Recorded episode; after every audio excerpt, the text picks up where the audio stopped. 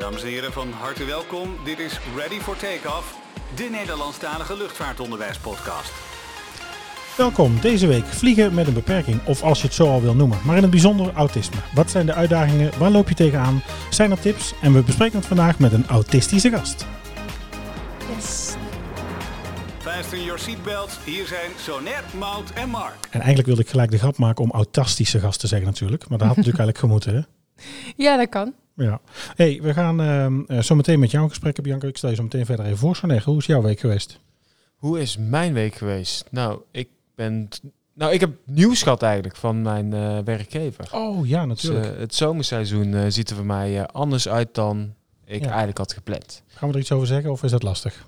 Ik, ik heb er geen moeite mee. Ik ga dus naar mijn oude werkgever. Ja. Dus ik ga weer terug naar het groen. Ja, jij gaat detacheren zoals dat Ik, heet. ik ga detacheren inderdaad. Dus ik ga vanaf juli eh, vanaf Eindhoven vliegen. Ja, en hoe gaat dat dan uitzien? Dus je gaat vanaf juli ehm, hier eh, vliegen. Nou, dat is Ja. op zich is dat fijn, want dat scheelt dus reistijd. Dat scheelt zeker reistijd. Maar Alhoewel, ik reed gemiddeld één keer in twee weken op en neer in Amsterdam. ja. Dus ik ga nu eh, de komende maanden Europa vliegen. En zijn dat veel, is dat qua, nou ja, even voor de luisteraars, is dat heel veel verschil in bestemming? Is dat heel veel anders dan normaal? Voor mij wel natuurlijk, want normaal gesproken ook als ik Europa vlieg, dan blijf ik vaak ook op bestemming slapen. En nu eh, zijn het alleen maar op en neertjes, dus ik ben elke dag weer thuis. En Ja. heb je nou eh, verder nog opleiding nodig? Kun je meteen beginnen of hoe, hoe werkt zoiets? Nou, ik moet dus ook nog een cursus volgen. Dus ik moet weer omgeschoold worden, ondanks dat ik op hetzelfde type ga vliegen. Zo heeft elke airline weer iets andere procedures. Ja. Eh, Het blijft 737-800. Ja, en het concept is natuurlijk, het serviceconcept is anders. Hè. Ja. Ik moet straks weer eh, eten en drinken gaan verkopen aan boord. Hè. De, Ja, de sausijzenbroodjes en de, de cappuccino's. En- Cappuccino, sausjesrol. ja, dus eh, dat gaan we weer doen. En, eh, maar ik heb er echt wel zin in, want ik ga weer oud-collega's tegenkomen, oud-klasgenootjes. Mhm. Dus, eh, en het is Eindhoven, geen nachtvluchten. Dus eh, daar Ah. ben ik wel blij mee. Wel En ik kom vaak ook bekenden tegen. Of toen ik in 2016 daar vloog, kwam ik ook vaak bekenden tegen aan boord. Ja, je bent nu drie Ja. maatschappijen verder. Ja. En een, een ground handling bedrijf. Dus ik bedoel, Ja. en ook hier. Dus ja, je hebt gewoon heel Ja. veel oude bekenden. Dat kan niet anders. Ja, Toch is dus, het wereldje eh, dan weer betrekkelijk klein. Ja, Eh, vind je het erg? Vind je het vervelend? Hoe voel je erbij? Ik, eh, het is een beetje dubbel. Ik eh, moest wel even aan het idee wennen. En eh, ja, mijn zomervakantie gaat er dan toch wel anders uitzien. Want ik was eigenlijk eh, bijna heel de maand juli vrij. Ja. En nu eh, moet ik doorvliegen. Ik ben pas in september vrij. Dus ik lever wel mijn vakantie in. Ik had eigenlijk eh, wel leuke vakantieplannen. Ja. Ik zou eigenlijk naar familie in Turkije gaan. En ik wilde nog naar LA als, eh, als het allemaal door zou gaan hè, met zeggen, corona Of dat nu wat dat kan. ik hoopte dat ik tegen die tijd gevaccineerd zou zijn. Dat daarvoor uitzondering gemaakt zou worden. Want dat heb ik wel dus gelezen in het nieuws ook. Maar goed, ik, eh, het is nu even anders. En ik ben al lang blij dat ik mijn baan gewoon kan houden. Ja. Maar het is nog steeds niet zeker natuurlijk. Maar Nee, maar het is wel, natuurlijk wel, ja. ja, in ieder geval iets. ik zou ook naar een andere luchtvaartmaatschappij Nou ja. gedetacheerd kunnen worden. Ja, en dat dan niks. voor, voor 12 maanden. Ja, of helemaal niks. Of helemaal niks inderdaad. Dus ik ben al lang blij dat ik eh, dat je dit hebt. deze mogelijkheid krijg inderdaad. En Heb je recent nog gevlogen eigenlijk? nou, het is alweer eh twee weken geleden. Waar dan? Was, dat was de Oh, Rio. nee, het over gehad, de Ja. Rio-vlucht. Waar En komt er nou weer aan dan? Volgende week vlieg ik naar eh, Sao Paulo. Dat is dan voorlopig mijn laatste ICA-vlucht, dus Ja. intercontinentale vlucht. Laatste keer jetlag. Laatste keer jetlag en dan, als het goed is, tot november geen jetlags meer. Oh. Dus dat is dan ook weer een voordeel. Ja, toch wel apart. Het lijkt me gek. Maar ik Ja. denk dat het een goede oplossing is. Wat ik al zei, het is natuurlijk beter dan niets. Nou, hier gaan we natuurlijk even kijken hoe het moet met, nou in ons podcast. Maar ook met het rooster, met de klasse. Je natuurlijk nog aan het vliegen bent en wij zijn alweer eh, begonnen. Maar dat, eh dat komt wel Ja. goed. Eh, zullen we naar onze gast gaan? Want ik heb eigenlijk verder niks spannends te melden. We hebben het volgens mij, nou ja, ik vlieg natuurlijk niet meer. Dus dat valt niks aan te vertellen. En ik heb niks, nou, niet bijzonders meegemaakt. Dan gewoon eigenlijk gewerkt en een beetje thuis gezeten. Ja, en ik vraag jou ook gewoon niks, hè? Nee, meestal Ja, niet. Dus ja. dan valt ook niks te vertellen. Jongen, jongen. Zijn we gauw Slecht uitgepraat. voor mij. slecht Lekker geïnteresseerd. Sorry. Nee, geeft niet. Ready for takeoff, Jumpseater. De gast van de week. Ja, we hebben een gast. Ehm, we hebben een, eh, nou ja, ik vind het wel een heel bijzondere gast. Ik vind het heel erg fijn dat ze er is. En ik vind het heel erg leuk dat ze wilde komen. Maar eh, we gaan eerst even vragen om ze zichzelf eventjes voor te stellen. Ja, hoi. ehm, ik ben Bianca Toeps, eh, 36 jaar, eh, autistisch. En ik hou van... ehm, ik, ik bouw websites. Ik heb een boek geschreven, of twee eigenlijk inmiddels, over autisme. Het volwassenenboek heet Maar je ziet er helemaal niet autistisch uit. Kinderboek heet Ik ben autistisch. Ja. En het, is ook, eh, het volwassen boek is ook in het Engels verschenen. Ja, mijn, mijn hobby, mijn, mijn grote ehm, ja, obsessie op dit moment is Japan. Ik wil ook eigenlijk naar Japan gaan emigreren. Mhm. Ik zou ook eigenlijk al naar Japan geëmigreerd moeten zijn in januari, maar Maar corona. Maar corona, maar ja, Japan en hun immigratieregels en grenssluitingen. eh, Oké, gaan we het over hebben. ja, dus, eh, dus ik ben voorlopig nog in het land. En ja, dat is een beetje wat ik, wie ik ben, wat ik doe. denk Oh. Japan, daar ben ik eigenlijk wel een beetje jaloers op. Daar wil ik ook zo graag eh, nog een keer heen. Ja, ik wil naar Tokyo Disney Sea gewoon. Aha, Disney. aha. Ben jij er al geweest? Tuurlijk. Oh, shit. maar de eerste keer dat ik naar Japan ging was om Tokyo Disney. Nou ja, Oh. omdat een vriendin van mij er was. Ja. Maar ik had iets van. Ik, je bent in Japan, ik weet niks van Japan, interesseert me eigenlijk helemaal niet. Maar er is Tokyo Disney, dus kom eraan. Oh, En ik ja. zie al dat je een leuke Disney trui aan hebt. Oh dus ik ja, dacht al, ja ik moet heb vast een... eh, een t-shirt eronder. Dit is, is Tokyo Disney Sea t-shirt. Oh, Oh? Ja, dat hadden we niet kunnen lezen. Dat hadden we nee, niet geweten. nee, nee. Maar eh, Oh, wat nee, leuk. ja, Oh, daar gaan we het zeker over hebben. Ja, ik moet voorkomen dat het geen details Oh, geen- dan- dat het geen Disney-podcast wordt. ja, goed. dan kan ik net zo Jij goed wil weggaan, weggaan. denk Nee, ik. nee, nee. nee, daar gaan we het zeker Hier over hebben we nog een grote fan staan. Ik heb dus er ook eh, iets mee. daar Ja. kunnen jullie eh, dagen, maanden, jaren over Oh, praten, daar denk ik samen een dag over Maar er zit ook wel een overlap in, volgens mij. Nou, ook. Dat, de, ja. In dat, de dat- vlieg, eh, vervoer en, en de Disney-fans. ja, de, laten we zeggen de nerdhoek. ja, ja, precies. Zullen Die, we, ja. zullen we- we gaan gelijk labelen. ja. Eh, de nerdhoek, maar ook wel eh, het escapisme wellicht. En, maar we gaan het erover hebben, want ik ben Mhm. ook daar wel benieuwd naar hoe dat voor jou is. Maar eh, waarom je vooral hier staat, is natuurlijk ook je boek, je blogs. Eh, met name je ervaringen als het gaat om eh, een bepaalde luchtvaartmaatschappij hier in Nederland. Ehm, eh, nee, gewoon de KLM, dat mogen we gewoon zeggen, dat is geen probleem. Eh, maar eh, ja, als jij gaat vliegen moet jij bijbetalen voor weighted blankets. Je krijgt een keycord om met zonnebloemen. Er worden rolstoelen aangesleept, er komen buggies aangereden. Mensen gaan je dwingen je aan te kijken. Ja, Dat was British trouwens, dat was niet KLM. Nee, maar, maar wij, ja, wij, wij zijn toch ik wel... denk al, wat hoor ik nu? Dat vind ik dus ook echt totaal niks voor. Oh, eh. we gaan naar de verdediging natuurlijk. Ja. Ja. Eh, de reis is natuurlijk, ja, denk ik, voor iedereen over het algemeen al een, nou ja, kan een stressvolle, spannende bezigheid zijn. Maar voor jou heeft dat natuurlijk een, een extra dimensie. Wat Ja. ik er mooi aan vind, of wat ik nou met name bijzonder vind, je blijft er niet voor thuis. Nee. Het is niet dat je het vermijdt. Oh nee, nee. Ehm, ik, ik probeer wel soms dingen zo te doen dat het iets makkelijker wordt. Ja. Maar de praktijk is dat het dan meestal dat het moeilijker maakt. Zoals die weighted blanket die ik mee wilde nemen. Ik dacht, nou, dan ga ik eens even aanvragen. Dat Ja. schijnt te kunnen. En dat gaat dan allemaal mis. Dus dan heb je eigenlijk alleen maar meer stress. Maar ik probeer wel soms... Ik, ik, ik probeer bijvoorbeeld niet een, een hele ingewikkelde overstap te plannen. Of ehm, ja, als, als, ik, als het even kan, ehm, dan eh, upgrade ik mezelf. Ja. Ehm, laatst had ik, eh, kreeg ik zo'n mail van... ehm, een paar dagen voordat ik ging, zo van, wil je upgraden naar business class, nu maar 500 euro. En ik had die zo, "Mm, oké. En waar naartoe? Tokio, Tokio. ja. Voor 500 extra zou je dus in de business class kunnen Ja, zitten. ja, ja, dat had ik dus Ja, dat is wel een mooie deal. Ja, ja, serieus? 500 dat euro extra. Oh, nee, Ja. dat is... Ja, ja, dat het is is wel veel geld, geld. maar het, Het is, het is veel geld, maar Ik vond het, ik dacht, nou, dan vind ik het wel waard. Of zo. Nou, dat is het jou Ja. dus wel waard. Dat is dus jou wel de waarde om dus ja, uitgeruster aan te komen, minder prikkels te hebben. en anders is het altijd een, ehm, een eh, nooduitgangsstoel. Ja, En, ehm, of een, ehm, als ze zo Economy Plus hebben of zo. Ja. Dat, eh, en daar zit namelijk meestal niemand. Dus dan eh hebben we ooit een keertje gedaan vanuit Amerika naar Japan. En daar zat echt, daar had ik zo'n heel rijtje voor mezelf gewoon. En dan zaten heel veel Japanners in het vliegtuig en die hebben die extra beenruimte en zo helemaal niet nodig. Dus die kopen ook allemaal geen Economy Plus. Dus eh, dat was echt een hele goede keuze. Nee, die zijn natuurlijk allemaal over het algemeen natuurlijk wat zijn veel korter, Ja, dus die, ja, die ja. hoeven dan niet eh, zo'n stoel te kopen met meer ruimte of zo. ja. Nee. En dan eh, hadden we het net over prikkels. Eh, Ja. Aan wat voor prikkels kan ik dan denken aan boord? Waar loop je een beetje tegenaan? Ja, op zich aan boord gaat het eigenlijk wel. Ja, de mensen zijn denk ik het, het, het meest lastig. Als, als er iemand naast me zou zitten, echt recht naast me, Ja. dat zou ik echt het meest vervelend vinden. Of, of kinderen of zo. En vooral als ze zeg maar heel. ehm, ja, ik kan het kinderen niet kwalijk nemen, maar als ze echt heel nerveus zijn of heel actief, dan gaan ze lopen rennen en zo en klimmen op die stoelen. En ja, dat, dat kan ik gewoon heel slecht tegen. En daar, daar word je dan al een beetje zo'n zagrijnige mens van. Maar ik kan wel echt zitten kijken. En als er dan zo mensen met, met een klein kind zo net recht naast me komen, dan denk ik wel, oh nee. Maar ja, ik probeer dat te voorkomen al van tevoren door gewoon slimme keuzes te maken. Ja, snap ik.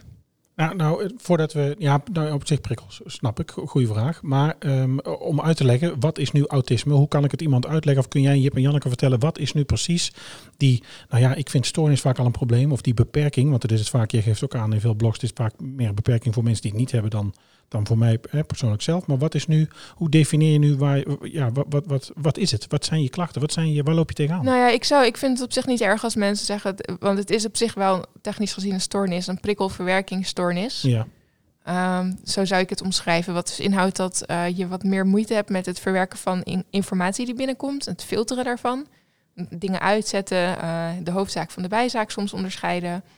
En daardoor eh, kan je, eh, dat merk je het snelst in communicatie. Bedoel, Stel je voor, iemand vertelt van alles en jij hebt moeite om de hoofdzaak en de bijzaak te onderscheiden, dan gaat dat natuurlijk mis. Ehm, wat ook kan gebeuren als je zeg maar heel veel prikkels krijgt, is dat je gaat afsluiten. Daardoor gaat het natuurlijk, natuurlijk nog slechter met de communicatie. Want ja, dan, dan ga je natuurlijk helemaal. eh Holy moly. Ja. Sorry, ik zie even een vliegtuig wegvliegen. Ja, je zit op een vliegtuig. op een vliegtuig geluiden, zo, en ik ben helemaal afgeleid. Kijk, Dat heb je dus al. Ja, dat maakt niet uit. Maar ik hoorde hem ook hoor, dus dat op zich. Maar eh, ik, ik was ook gewoon afgeleid. Maar dat heb ik elke keer als een vliegtuig hier eh, opstijgt. dus dat geeft niet. Nee, kijk, nee, eh, wat, oh ja, als je dus gaat afsluiten, dan, ehm, dan gaat het natuurlijk helemaal niet meer goed met de communicatie. Nee, dat stopt. En dan, dan Ja. heb je natuurlijk nog meer onbegrip bij de ander. Ja, en je kan ook wel, als je zeg maar het gevoel hebt dat je overprikkeld wordt, een beetje geïrriteerd raken en dan gewoon een beetje van je af gaan mappen in zeg maar figuurlijke zin. Omdat je gewoon wil dat, dat het ophoudt en dat mensen ophouden. En daardoor, ja, ja, ik weet dat ik dan heel zagrijnig kan overkomen, terwijl ik dat niet wil. Nee. Dus ja, ik probeer dat wel nu zo goed mogelijk te beperken, zodat die prikkels niet te hoog oplopen, zodat ik ook gewoon mijn eigen reacties en zo onder controle heb en gewoon eh, niet, eh, niet eens een huilen uitbarst omdat er dan het laatste strohampje net misgaat en dat gebeurt wel af en toe. Maar goed, dat eh, ja. Ja, het is natuurlijk wel. ehm, we, we- goed, op school zijn we natuurlijk ook vaak mee bezig. We hebben natuurlijk ook studenten die, eh, nou ja, die autisme hebben, die ADHD hebben. Ehm, we hadden natuurlijk eh, in het verleden, dat wil zeggen, het is natuurlijk recent in de DSM het natuurlijk veranderd. Hè. Je had natuurlijk PDD-NOS, Asperger. Ehm, dat heet natuurlijk nu allemaal Mhm. anders. Weet je, daar gaan we nu luisteraars niet helemaal mee vermoeien. Maar ehm, wat, is dan, wat is dan de vorm die jij hebt? Wat is dan jouw, jouw code, jouw DSM-code? Nou, het, het was toen ik de diagnose kreeg Asperger, Ja. maar dan nu is het dus autisme spectrumstoornis, omdat alles nu autisme spectrumstoornis is. ja. En dan delen ze het in naar de hoeveelheid hulp die je nodig hebt. Nou Ja. heb ik op het moment helemaal geen hulp, dus dan zou ik in de laagste categorie komen, denk Mhm. ik. Ja. En wat zijn dan, wij, wij zijn natuurlijk zoals het heet twee neurotypische docenten. Daar gaan we even vanuit. Wij zijn natuurlijk allebei niet getest. Wij, zijn, wij hebben het niet. Hè, dat heet dan neurotypisch. Zo. Mhm. Je zit me aan te kijken. Ja, ik, ik denk, Ja. hoe kom je op dat woord? Ja, maar, ja, Dat klopt. Ja, dat klopt. Dat is zo. Eh, maar, eh, en, ehm, maar het zou goed kunnen zijn dat je het wel hebt in bepaalde vorm of een fractie. En dat vond ik met name interessant. Of dat, ik schrok daar eerlijk gezegd een beetje van. Jij kwam er eigenlijk pas achter. Je hebt ermee geworsteld tot je 25ste. Ja, En klopt. i- hoe, want hoe is het leven dan tot die tijd geweest? Dat moet dan toch best ingewikkeld zijn geweest. Nou, ik heb wel, ik heb, ehm, ik ben van school ver- veranderd. Eh, ik heb een eetstoornis eh, ontwikkeld. Eh, dus ik, ik heb wel elke keer, zeg maar, problemen gehad. Ja. Alleen, het is, er is nooit een soort geheel eh, totaalplaatje gezien. Waardoor iemand dacht, goh, misschien is dit autisme. Maar het is niet zo dat ik eh, daarvoor, zeg maar, eh, probleemloos eh, door het leven eh fladderde, zeg maar. Nee, ja, nou je zou bijna zeggen, wie gaat dat wel? Ik bedoel, we hebben natuurlijk allemaal wel, we lopen natuurlijk vaak allemaal wel eens tegenaan. Maar ups goed, als je, downs, ja. wat zeg je? Ups en downs. Ja, ja, zeker. Ik bedoel, Sonair Ja. heeft een hele, hele schoonmaakwinkel achter in zijn auto liggen. Ja, En als je, heeft i- iets wat smetvrees en die, maakt, die pakt liever deurklinken niet vast. En eh, toen we samen in Amerika waren, moest ik deuren openmaken en dat soort dingen. Oh. Ja, is dat een beperking? Nee, ja, ja, vooral, ja, het is vooral een, een drempel voor jezelf. Voor mij maakt het niet uit. En weet je, en wij weten dat van elkaar en dat is dat ook helemaal niet erg. Mhm. Dus dat is natuurlijk, dan, dan is het ook vaak meer voor de ander. Hè? Dat is wat ik net al zei. Maar als je er zo in staat, dan is het ook, dat zou ook heel fijn zijn voor, voor mij bijvoorbeeld, voor als iemand met autisme. Als jij, als ik dingen heb, zeg maar, ik stel we zijn ergens en ik zeg van, oh nou, dit, dit vind ik heel heftig, eh, dat doe ik liever niet. En jij zegt, oh oké, prima. Dan heb ik ook geen probleem eigenlijk. Nee, het is vooral als mensen iets van jou willen of als je in communicatie ergens vastzit. Hè. Nou goed, als we meteen naar het blog gaan, ik heb natuurlijk nog andere vragen. Maar als je kijkt op met name het blog wat je schreef met eh, de miscommunicatie met de British Airways stewardess. Ja, zal ik hem gewoon even vertellen? Gewoon ja, nou, ja, ja, zeker. Maar ik wilde voor, ja, nou, dat doen we zo meteen. Maar ehm, want ik was eigenlijk nog bezig een beetje inleidend om aan te geven waar het nou zit en hoe het nou komt. Want, maar die symptomen, de, de, problemen waar je zeg maar los tegenaan liep, daar heb je wel hulp voor gehad. Je hebt wel uiteindelijk hulp gekregen, genomen, gezocht voor die eetstoornis. Maar men Ja. wist toen niet waar die vandaan kwam. Ja, precies. En, en wisselen van school was, ach, ze is anders, ze is moeilijk. Ze, Nou, ze dachten ze is hoogbegaafd en daar, daar Ja. komt dan de rest uit waarschijnlijk. nou, je kunt wel natuurlijk meer dan gemiddeld ehm, natuurlijk on- ontwikkeld zijn qua begaafdheid. Ja. Dat, kan, dat hoort er ook bij. Of dat, zou ook kunnen. Dat was ook wel waar. En ik ging, ook, ik ging daarna ook naar een andere school. En die school die paste gelukkig eigenlijk heel goed bij mij. Ja. Waardoor ik vervolgens niet zo heel veel issues had, omdat ik op die school gewoon mijn eigen gang kon gaan. En wat was dat voor school? Uh, het was een Montessori school, maar het was ook bij ons in de, in de stad eigenlijk de school waar iedereen die een beetje, nou ja, afwijkend klinkt een beetje lullig, maar dat die, al de kinderen die niet in een, op een reguliere school goed tot hun recht kwamen, gingen eigenlijk daar naartoe. Ja. Dus die school was heel goed ingesteld op dat soort dingen. Op anders zijn. Ja, Ja, nou niet grappig, maar omdat mijn nou ja, stoornis. Ik ben gediagnosticeerd met, eh, in groep 3 met uh, dyscalculie. Ik kon slecht rekenen. Nu is dat natuurlijk uit de DSM-gids en zegt men gewoon dat is slecht rekenonderwijs en niet goed ontwikkeld. Het is op zich geen, eh, geen echte stoornis meer. Um, en ik moest ook naar een school voor moeilijk lerende en moeilijk opvoedbare kinderen. Daar heb ik echt tussen de kinderen gezeten. Dat ik dacht, ja, wat doe ik hier? Maar anderzijds ben ik op mijn probleem daar wel goed geholpen.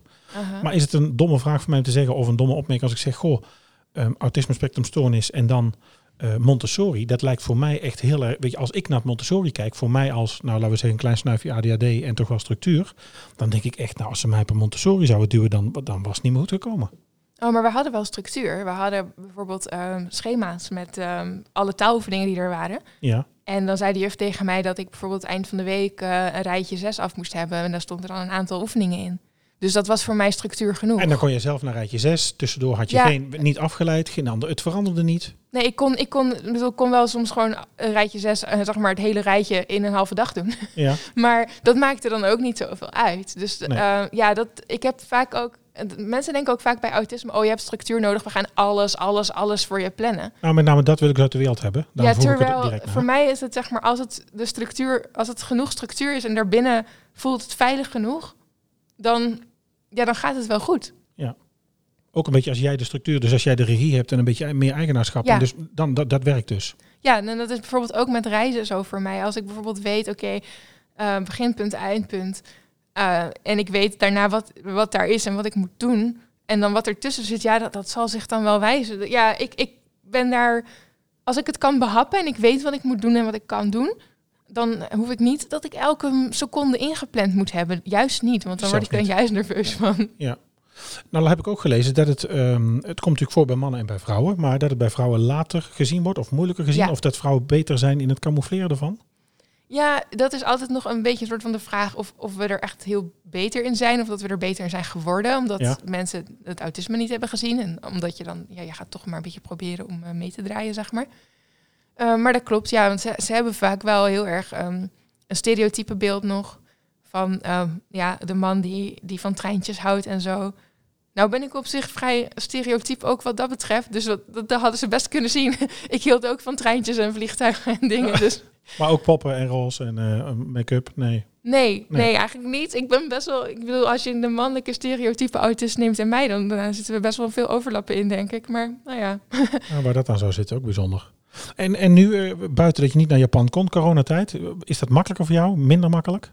Heeft dat extra uitdaging gegeven of heeft het ook een aantal dingen... Ik kan me voorstellen dat een aantal dingen ook heel fijn heeft opgelost. Ja, mijn hele coronatijd is een beetje overlapt met het ik kan niet naar Japan verhaal. Uh, en dat is, uh, was heel onzeker de hele tijd. Helemaal no nog steeds. Dus er is nog steeds geen datum, nog steeds geen... Überhaupt, als ze ook maar gewoon een dingetje zouden uitgeven waarin zou staan van oké, als het aantal cases onder dit nummer is, dan gaan de grenzen weer open. Dan kon ik tenminste zelf elke dag naar de grafiekjes kijken en er wat berekeningen op loslaten. Maar dat kan nu niet. Dus ja, nee, ik, ik heb daar heel veel, ik heb heel veel moeite gehad deze periode. En ik weet niet of dat zozeer door de corona komt. Want ja, thuiswerken deed ik altijd al. Dus uh, daar had ik op zich niet zoveel uh, moeite mee. Dat was niet heel anders voor mij. Um, ik merk nu wel dat het nu weer drukker wordt overal. En dat vind ik eigenlijk wel vervelend. Ik vond het wel lekker rustig toen het nog overal zo stil was. Ja, en is dat dan rustig gewoon, Bianca Toeps, niks aan de hand, zullen we zeggen? Of is dat ook rustig toch, ja, mijn, spectrumstoornis en, en mijn, mijn onhebbelijkheden of dingen die ik fijner vind of niet fijn vind? Maakt het dan niet uit, bedoel je? Sorry, ik snap de vraag. Nee, zou, het, zou het nu, omdat het drukker wordt, vind je dat goed? Want ik vind het, ik zie het ook drukker worden. Maar ik heb daar op zich niet, ik heb daar denk ik andere last van of andere...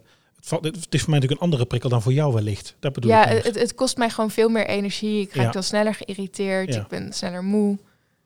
Uh, dus ja, dat soort dat is het eigenlijk. Want ik vind bijvoorbeeld een hele fijne bijkomstigheid is gewoon niet overal handen geven en eh, niet overal kussen en mensen Oh, in je aura en in een pretpark tegen mijn rugzak aankomen staan. En eh, dat, dat vind ik Ja. allemaal heel fijn. Dat dat, ik, dat, ik hoop dat dat weg blijft. Ja, ik, Ja, ik ook. Ik voor, ook. mij, voor mij smetvrees ook. Ja. Ik ben zo blij dat ik niet Ja. voor elke vlucht weer iemand een, hand, een handje hoef te geven. Ja. Dus dan geef ik gemiddeld, voordat ik eh, een vlucht ga doen, aan twaalf mensen een handje. Ja. En niet iedereen was zijn handen altijd na het toiletgebruik. Nee, ja. maar goed. Dus ik ben daar super blij mee. Nu ook in, eh, dat zie je ook in de winkels, hè, dat mensen dus de karretjes niet meer schoonmaken. Maar ik doe dat wel, niet omdat ik bang ben voor corona. Nou, ze hebben natuurlijk eerst altijd op meer slot, voor... ze hebben natuurlijk eerst altijd op slot gestaan dat er een muntje in moest. Ja. Nou, dat is nu dan op veel plekken is dat niet meer. Nou, dan heb je natuurlijk inderdaad gezien dat ze echt schoon werden gemaakt eh, voordat je ze meekreeg of aangereikt kreeg. Nu kun je hem zelf schoonmaken als je zou willen, maar dat, ja, Doet niemand. Nou ja, ik zal eerlijk zijn, dat doe ik eigenlijk ook niet. Ik heb ook niet in deze tijd obsessief mijn handen gewassen. Dat, ja, ik, op een, gewoon normaal. Weet je, toiletgebruik tuurlijk, voor na eten tuurlijk. Maar niet, eh, als we nu hier hebben gestaan zo meteen, dan ga ik niet naar het toilet of ga ik niet naar de, naar de wasbak om handen te wassen. Ja, Ik heb altijd in de supermarkt, ik ben heel gevoelig voor, ehm, zeg maar, stel dat mijn handen nat worden of zo. Dat vind ik echt een heel rot gevoel. Dat is Ja. ook een soort prikkel. En er zijn echt dagen als ik heel overprikkeld ben, dat ik niet eens zin heb om de afwas te doen, omdat mijn handen dan nat worden. En dat, ik weet niet, dat kan ik dan niet. En dan bij de Albert Heijn hadden ze de mandjes schoongemaakt, maar die waren echt gedrenkt in de alcohol. Dus ook niet fijn. dat vond ik nog vervelender om vast te moeten pakken. Dat ik echt, eh, eh, eh, ja, het is dan schoon, maar het, is, het voelt heel vies. Ja. En, en, wa- en wat, want je hebt ook eh, wat wijdere kleding vaak, ook bepaalde Ja. kleding, bepaalde stoffen. Ja. Is ook een prikkel, of kan ook een prikkel zijn. Ja, ik heb heel veel eh, kleding die gewoon een paar maten te groot is, ja. Eh, wa- en ja, goed. Ik, pro- nou, ik probeer, ja, wat wil ik weten? Ik probeer een beetje boven te halen van, nou, wat, want waar loop je dan dus tegenaan? Hoe ziet zo'n dag uit? Nou, weet je, ik heb het ook in een andere podcast natuurlijk ook van je gehoord, maar hoe is dan hier naar school komen? Nou was het denk ik redelijk rustig voor je hier. Ja, ik heb expres... ehm, ik ben hier al, al twee dagen in Eindhoven. Ja. Ik heb expres een hotel geboekt, zodat ik niet vandaag ehm, eerst nog hier naartoe moet met de trein en de bus. Omdat ik weet, ik ben hier wel een paar keer eerder geweest. Ik heb hier wel eens moeten vliegen eh, vanaf. ehm, en dat ik weet hoe lang die bus is. Ja. En nou ja, dat is een ander ding van mij. Maar ik heb soms echt ehm, paniek als ik zo lang in een bus moet zitten. Een bus heeft geen toilet. En dan ben ik bang dat ik ineens spontane buikkrampen krijg. En dat gebeurt soms ook door de stress juist. Dus dat is een beetje een lullig eh, cirkeltje. Maar ik weet gewoon ook, die, die reis die is zo inspannend al. En al, al zou ik in de trein zitten en nou ja, ik, ik koop dan ook eerste klas voor de trein, omdat ik dat, Ja. dat is rustiger. Maar je hebt soms gewoon net de pech dat er dan een stelletje hangjongeren irritant komen doen of zo. Of, eh, of conducteurs. Die gaan ook altijd in de eerste klas zitten waar je stil moet zijn. En dan gaan ze met z'n allen kletsen. Maar ik dacht, ik wil gewoon niet dat ik dan hier aankom en dan al helemaal zeg maar, afgedraaid ben voor de rest van de dag. Dus dan, ja, ik dacht, nou dan combineer ik het handig. Dan neem ik een hotel, maak ik er een uitje van. En dan kan ik hier ook gewoon, weet je, ben ik hier op tijd, hoef ik niet heel ver. En kijk, de terugweg is nooit erg. Dat is op een of andere manier heel raar. Maar dat, dan ben ik al klaar met wat ik moest doen. Dus dan, dan, is, dan is het prima. Maar ja, ik heb dat wel zo, zo inge, ingedekt. En ik was ook heel blij. De, de bus was ook super rustig. Ja, we hebben natuurlijk... Er zaten twee mensen in. Ja, er wordt natuurlijk niet gereisd. Er gaan natuurlijk weinig vluchten. En onze school werd er natuurlijk hier op halve, halve gebouwbezetting. Dus ja, de, de lijn hier naartoe is natuurlijk gewoon ook rustiger. Ja. ja. Ehm, we hebben ook wat vragen van luisteraars. Die zal ik af en toe tussendoor doen. Paula vraagt namelijk hoe je omgaat met je prikkels. Dus als je nou dus overprikkeld bent of er komt er een aan, of je hebt er een, hoe, hoe gaat dat weg? Hoe stopt dat? Nou, ik heb een koptelefoon. ehm, noise cancelling. Dus die heb ik af en toe dan, eh, die kan ik dan opzetten. Maar ik moet zeggen, ik ben niet een super grote fan daarvan. Omdat op het moment dat je dat ding opzet, hoor je je eigen ademhaling en je Ja. eigen praten en slikken en alles extra hard. Dus dan, dat helpt niet heel goed. Maar soms kan het wel helpen als het echt eh, ja, in een situatie waar, waar echt heel veel he- herrie is of zo.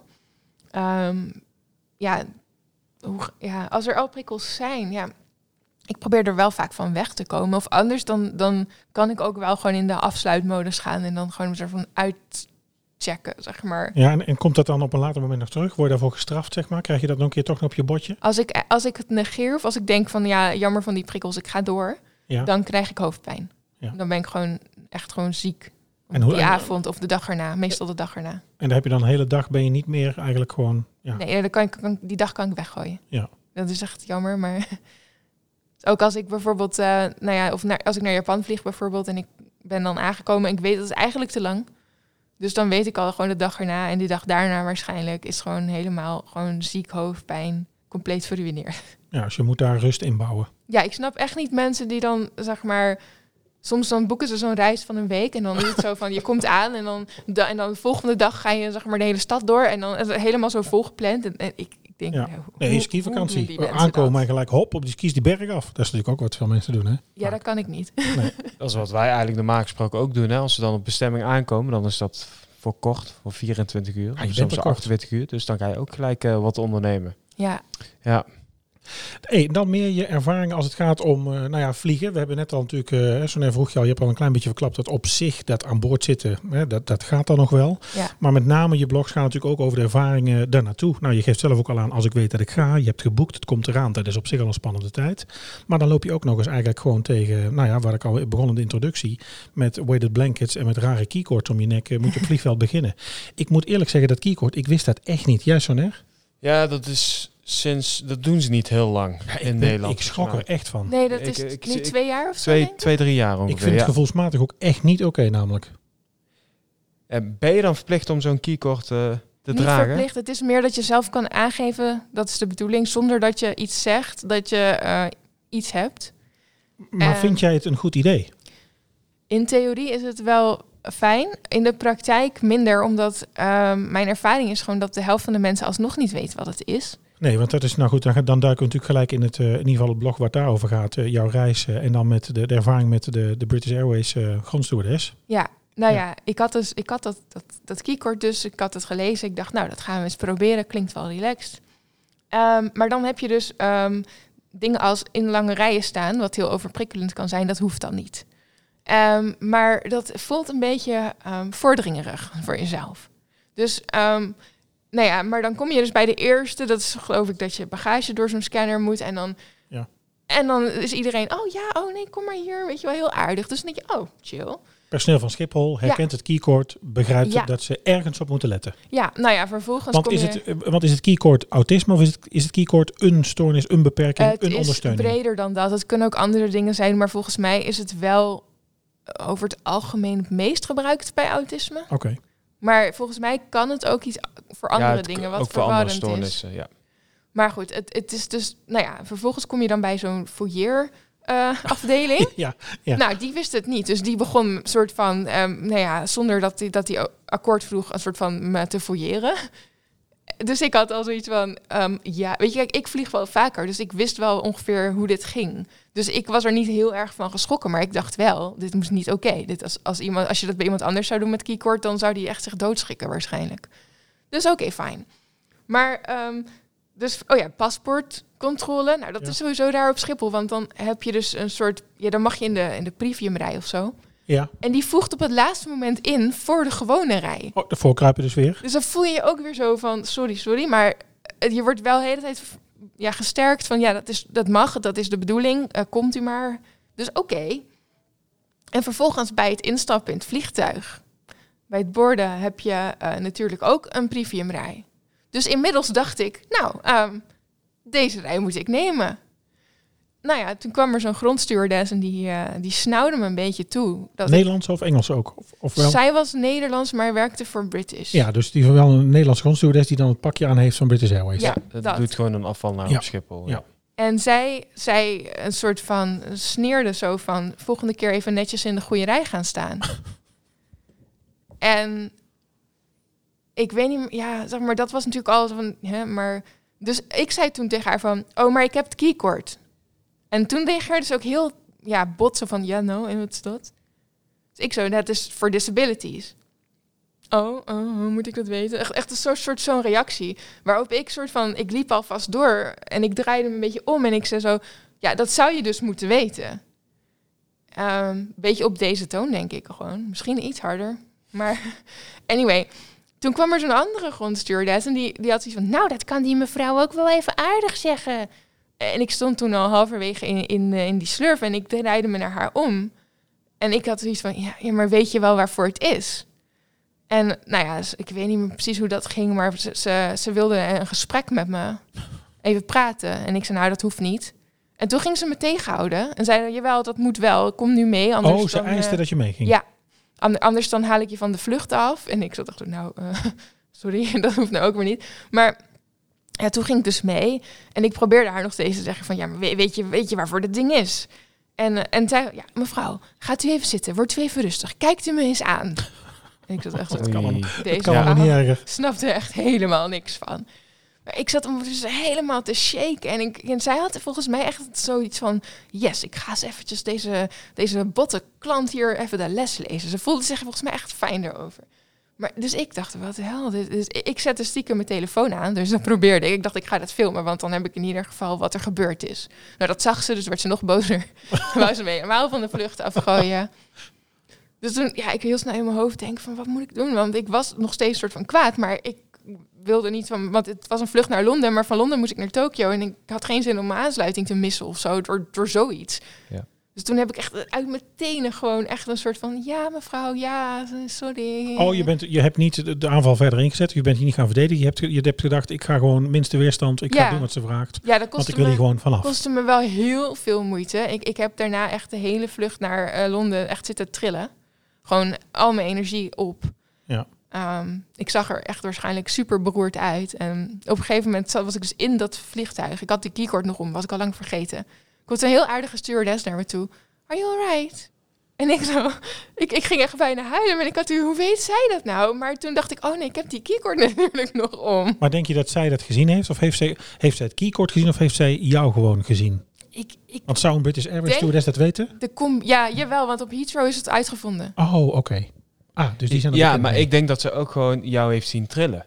Ja, Want dat is wat zij, wat zij ook doen als je aan boord komt, is jou observeren. Ja misschien, Ja. misschien allebei wel hoor. Maar ik, het was heel lief. En, en als iemand dan wel, zeg maar, wel lief doet, dan sta ik ook bijna te huilen, zeg maar. Dus ik had zo, oh. Dus ja, het was een heel, heel bizarre, bizarre situatie. En ik, ik heb toen dat allemaal ook nog met, voordat we weggingen, heel snel in voice memo's naar mijn vriend gestuurd. En dat, dat, later hebben we dat nog op de radio gespeeld. Maar je hoort me echt soort van heel shaky. Ik word nu bijna ook weer shaky van. Het was zo, ja, ja, gewoon het idee dat, dat, dat ik soort van werd beschuldigd van vorderingen na iets. Zeg maar, ik had hem al twee keer soort van schuldig gevoeld voor vorderingen. En mij was een soort van verteld: nee, nee, dat is echt oké. Je mag echt deze, deze route nemen. En dan komt er zo iemand en die, die ja, Ja, het is natuurlijk het is, het is onzekerheid. Het is, het is veranderen van, van spelregels. Het is eh, onbegrip. Ja, Dan is het ook nog eh, eigenlijk je eigen ongemak misschien. Of dat je nou wel of niet een stoornis of een beperking hebt, is natuurlijk eh, ja, vorderingen. Of ik, ik word ook wel ongemakkelijk. ja, Ik heb ook, ik was volgens mij ook over gehad, zo'n eh, in Dubai in, in de in de in de in de hoe heet het in de Burj Al Arab. eh, als je naar het toilet gaat, dan doet iemand de deur open, ze draaien de kraan voor je open, ze komen met handschoenen, Oh, of met, eh, met handdoekjes aan. Ja, ik word daar heel ongemakkelijk Ja. van. Ik vind dat Ja. heel vervelend. Dat ga ik allemaal heel raar doen. Dus dat is voor iedereen al gek. Maar zeker als je dan natuurlijk ja, daar toch aan niet tegen kunt, dan ook nog ja. eigenlijk, nou ja, dat er een obstructie wordt gevormd in de in de slurf, dat je eruit wordt gehaald. Je moet mee praten. Kijk me eens aan. ja, Ja, dat is natuurlijk alles fout. ja, ik had ook echt absoluut geen zin om met haar daarover te gaan praten. Ik dacht, oh, laat, het is natuurlijk heel maar. raar dat zij niet weet wat het keycord is. Ja, ik bedoel, ik ga, we gaan er niet hoe, lang maar- geleden is dat dan dat dit heeft plaatsgevonden? Was dat Dit toen het denk- net, ja, het net was toen het net geïntroduceerd nieuw was? wel. Ja, het, was, het was een paar maanden daarvoor. Volgens mij was het met veel trots gelanceerd. Want eh, weet je, dat staat dan in het nieuws en zo. En daarom dacht ik, oh, dat ga ik eens proberen. Maar je zou verwachten hè, van een afhandelaar dat ze het personeel daar goed op... Nou ja, het is daar, weet je, ja, maar goed. wat natuurlijk heel vaak de frustratie is in welk eh, beroep dan ook. Ehm, en dat, weet je, dat hebben we natuurlijk ook op kantoor of met collega's of binnen ons bedrijf natuurlijk ook wel, of ander bedrijf waar je gewerkt hebt. Het is je, het is je baan. Het is niet iets extra's. Het is niet iets wat, wat je erbij moet doen of wat wordt gevraagd. God zou je alsjeblieft ook willen doen. Nee, je staat er daarvoor. Ja. Dus daar is het gek. Daarom vond ik het echt heel raar. En sloeg er echt op aan dat ik dacht, ja, dit vond ik is echt heel opvallend dat zij dat niet weten en zo tegen jou tekeer gaan. Ja, En hoe is je ervaring me- met de KLM? nou, eh, even kijken, was dat de KLM? Ik, ik, ik heb altijd wel goede ervaringen met KLM, behalve met de, de Twitter en WhatsApp webcam. Ah, daar wordt toch enorm op ingezet. Ik hoor heel vaak dat die ook heel goed is. Oh nee, oh dat is hel. Maar het was ook het begin van corona en ik was in Japan en ik wilde, ik wilde, ik zou nog vanuit Japan naar Nederland vliegen en weer terug naar Japan omdat ik een lezing had in Nederland. En dat was in maart of zo, of, februari, maart. Het was nee maart, begin maart. En en ik wilde toen, ik wilde dat, dat toen zeg maar eruit halen, zeg maar, omdat ehm, ja, ik, eh, ik wilde niet vliegen, want ik dacht straks gaat, het gaat Japan dicht door corona. Terwijl ik net naar Nederland ben en al mijn spullen liggen nog in Japan en zo.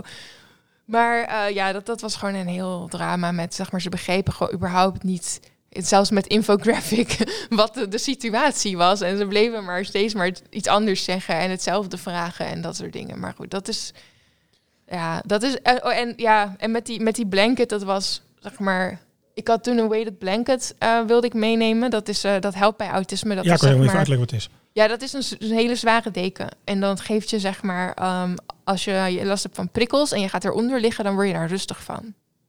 Dus als je stress hebt en paniek, dan door, door, door die drukprikkels ga je die andere prikkels ook kunnen verwerken. Ik weet niet precies hoe het werkt, maar het werkt.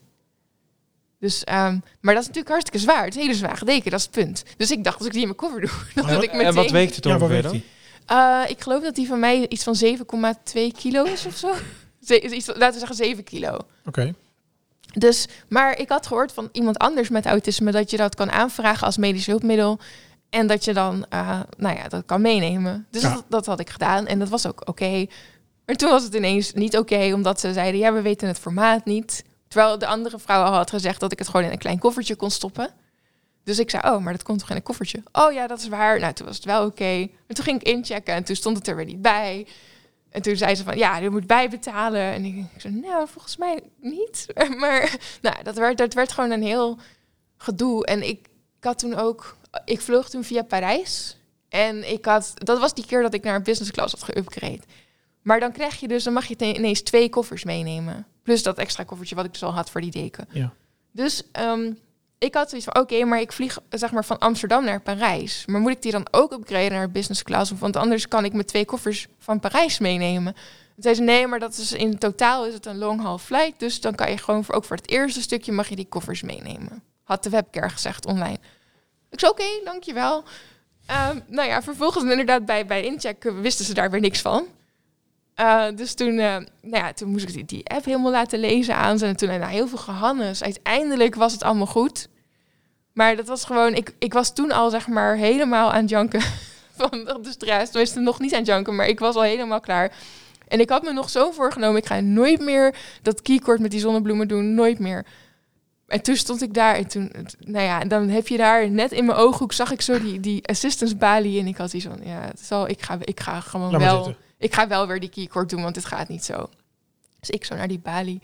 En dat is een heel lief vrouwtje van Schiphol en dat is zo van, oh meisje, wat is er? Nou, dan ga ik dus huilen, hè? Dan, dan ben ik gewoon helemaal, alles was in de war. Nou, Anyway, dus, dus super lieve dames. Die kwamen echt eh, meteen, eh nou ja, stuurde een jongen met me mee door al die processen, al die koffercontroles en dat helemaal. Vervolgens regelden ze geloof ik dat ik in de KLM-lounge kon gaan zitten. Ehm, nou, echt super lief. En die vrouwtjes. En een van die dames had geloof ik een dochter met autisme ook. Dus Ah, kijk. het was heel erg leuk, want mijn boek lag in de ACO daar op Schiphol. Dus dat kon ik meteen laten zien. En het was dat, eh, vertellen van, hij ligt daar. het was echt heel fijn. Ehm, dus daar, daar was ik wel echt super blij mee gewoon. En zij hebben me toen ook geholpen, omdat ehm, mijn eerste vlucht naar Parijs was vertraagd. Dus toen, ja, dat ging mijn overstap missen. En daar werd ik ook wel helemaal gestrest van. En toen stonden daar ineens die twee reddende engels van Engel, Engelen. Engel, Engel- die twee van, van Schiphol stonden daar zo ineens zo van... Ja, we, we zijn... Want ik had... Ze zeiden, ja, wil je nog assistance zo meteen? Ik zei, nee, dat hoeft niet. Dat lukt vanaf hier wel. En daar stonden ze ineens zo van... Ja, ik geloof dat je vlucht vertraagt, dus kunnen we je helpen? Ja, dat zijn echt wel twee uitersten, Ja, toch? Dus Ja, kijk qua hulp. Zeker. Ja, dus dat was echt heel nice. Want ik was zelf daarvoor ook al naar de balie gegaan van KLM. Zo, hoi, kan ik misschien naar de vlucht van vanmiddag... die direct naar Tokio gaat misschien? Want dan, hè, deze gaat niet redden. Misschien omboeken. Ja, maar dat gaat niet. Nee, nee, ja, je koffers zijn al ingecheckt. En eh, ja, je hebt business class upgrade. En dat ga je dan kwijtraken. En ik zei, nou, maakt me niet uit. Al zit ik op de klapstoel. Maar nee, dat kon allemaal niet. En toen kwamen die twee Schiphol-vrouwtjes. En die, die gingen dat echt even regelen. En toen kon het ineens allemaal wel. En toen was het zo, oh ja, oh. En eh, de business class upgrade is ook nog gewoon gebleven. Dus er is niks aan de hand. Ik zei, thanks. Maar wat, wat zou je dan de mensen met een stoornis bijvoorbeeld adviseren? Wel keycode dragen of niet keycode dragen? Ja, ik, ik, weet het, ik, ik weet nog steeds niet wat ik de volgende keer ga doen. Nee, ik, ik, ik weet het niet. Want het is als je het draagt, krijg je hulp. Maar je moet er ook van uitgaan dat niet iedereen het snapt. Want bijvoorbeeld diezelfde keer. Kan dat per dag verschillen? Beslis je dat in de moment, hoe je er vandaag bij staat? Ja, denk het wel. Je kan dat gewoon vragen bij die eh eh, assistance balie. Ze willen liever wel dat je je van tevoren aanmeldt, maar het hoeft niet. Nee. Nee, want diezelfde dag, toen ik dus in de Schiphol lounge zat te chillen en toen wa- was het boardingtijd, komt er zo'n gozer, wat je net zei, met een rolstoel aan. Ja. Zo van, ja, kom u ophalen. En ik zat echt zo, huh? Ja, wat Heb ik niet aangevraagd. Nou, wat studenten natuurlijk ook leren, wat je natuurlijk hier op school, eh, wat je hier op school krijgt en ook als eh, stage gaan lopen. Ja, assistentie, PRM, Passengers with Reduced Mobility, gereduceerde mobiliteit. Als je een PRM-aaning hebt en je gaat die halen, in principe, ja, ze leren ook als ze op stage zijn. Je hoort op je porto PRM-passagier ophalen, dan ga je erheen met een rolstoel. Ja, Je gaat ervan uit dat je iemand gaat, raar eigenlijk, hè? je gaat ervan uit dat je iemand gaat halen die ja, niet achter jou aan kan hobbelen of zo. Ja terwijl ik, ik zou ook, ja, dat hoef ik niet hoor, ik kan gewoon lopen. Oh, ja. en, en hij had echt zoiets waarschijnlijk van, waarom ben ik hier dan? Of zo. Ja, hoezo heb je dan assistentie Ja. nodig? Ja. Ja, dat was heel, vre- heel vreemd, maar nou ja. Nou, terwijl Dan hebben ze waarschijnlijk gewoon de verkeerde code gebruikt. Verkeerde code, Want want er zijn natuurlijk codes en wij geven weet je, studenten hier ook. Je hebt natuurlijk eh, Meet and Assist, MAAS, MAS. Je hebt een Meet and Assist Language, een L als je de taal niet spreekt. Je hebt natuurlijk, ook als je kijkt naar rolstoel, ja, je hebt passagiers die een klein beetje kunnen lopen, helemaal niet kunnen lopen of die plat liggen. Ja. Ja, daar zit natuurlijk allemaal wel verschil in. Ik weet niet wat voor, want wat voor code zou, je, zou, zou Bianca krijgen. Meet and assist. Ja, maar dan weet je Ja. dus verder niks. Dat is natuurlijk wel ergens een... Eigenlijk lopen we nu tegen een Nee, beperking maar dan, aan. dat kun je toch best aan een... Ik zou het dan aan een passagier vragen. Gewoon naartoe Want gaan. ik zou niet vragen, nou, heeft u een stoornis of wat dan. Nee, ik zou vragen, waarmee kan ik u helpen? Ja, want, want hoe zou je benaderd willen worden? Zou je inderdaad gewoon willen van... Goh, mevrouw u heeft assistentie aangevraagd. eh, waar kan ik u mee ondersteunen? In plaats van, ik kom hier aan met de rolstoel van, ik, ik, kom u ik halen. zou dat wel fijn vinden. Ik weet alleen niet of andere mensen met autisme dat heel duidelijk zouden kunnen uitleggen voor zichzelf. Dus ja, dat is wel, ik, is wel een moeilijk probleem. Nou, moet er dan meer aan onze kant... Hè, laten, we het, laten we het hier meteen op ons fatsoen trekken. Moeten wij dan hier op school meer leren als je ehm passagiers ge- gereduceerde mobiliteit gaat halen? Ik ga een, een assistentiepassagier oppikken. Moeten wij dan studenten een klein beetje bepakken met wat kennis? En moeten, hè, dus moeten wij dan zeggen, nou, iemand kan dus bijvoorbeeld een autisme spectrumstoornis hebben. Dus als iemand, als iemand gaat halen en je zegt, goh, waar kan ik u ondersteunen? En die zegt, nou, ik heb autisme. Dat je dan meteen denkt, oh oké, dus dan weet ik dat ik bepaalde dingen wel of niet moet doen. Of is het daarvoor te groot of te verschillend voor iedereen? Nou, ik denk dat het wel nuttig is om te weten, inderdaad, als iemand zegt ik heb autisme, wat dat ook wat dat kan betekenen ook. Hoewel dat per persoon ook wel weer verschillend is. Maar dat je bijvoorbeeld niet, niet schrikt als iemand ehm, bot of kortaf uit de hoek komt. Ehm, want ik, ik, ik snap heel goed dat zeg maar, in de hele industrie het al gaat om weet je, vriendelijk doen en gezellig en zo. Maar ehm, dat, i- het kan soms zijn dat iemand met autisme zo gestrest is dat hij of een niks terugzegt of iets heel bots terugzegt. Terwijl dat niet zo bedoeld is. Dat is echt niet zo bedoeld. Dus dat is wel fijn dat iemand daar niet in, nou ja, zoals die British Airways chick, zeg zeg maar, dat iemand dan weer triggerd wordt zo van wat bent u onbeschoft? Ja. En dat het dan een soort ruzie wordt, terwijl dat niemands bedoeling is. Nee, terwijl zij het eigenlijk verkeerd benadert, maar het jouw probleem maakt. Ja, Nou ja, interessant. Ja.